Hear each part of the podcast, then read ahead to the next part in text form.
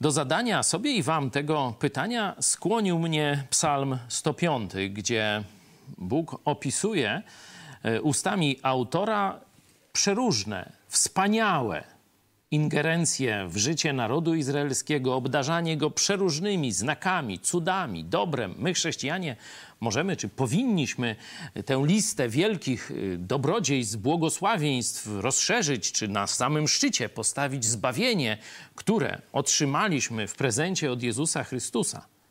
Ale wróćmy do pytania. Po co Bóg nam to dobro daje?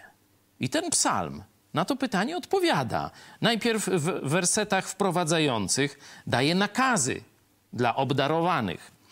Wysławiajcie Pana, wzywajcie imienia Jego, głoście narodom czyny Jego, śpiewajcie Mu, grajcie Mu, opowiadajcie o wszystkich cudach Jego, chlubcie się imieniem Jego świętym, niech się raduje serce szukających Pana. Szukajcie Pana i mocy Jego, szukajcie zawsze oblicza Jego. Pamiętajcie o cudach, które uczynił, o znakach i wyrokach ust Jego. No to dość oczywiste, nie?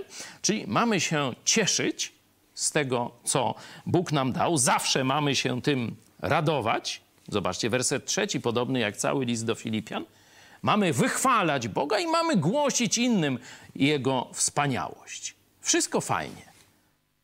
Ale na koniec Bóg w tym psalmie pokazuje jeszcze jeden cel. Werset 45.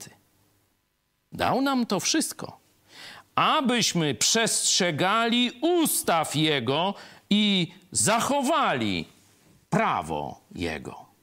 Inaczej mówiąc, już tak nowotestamentowo, Bóg obsypuje Cię przeróżnymi darami i chce, byś Ty pełnił Jego wolę, nie swoją.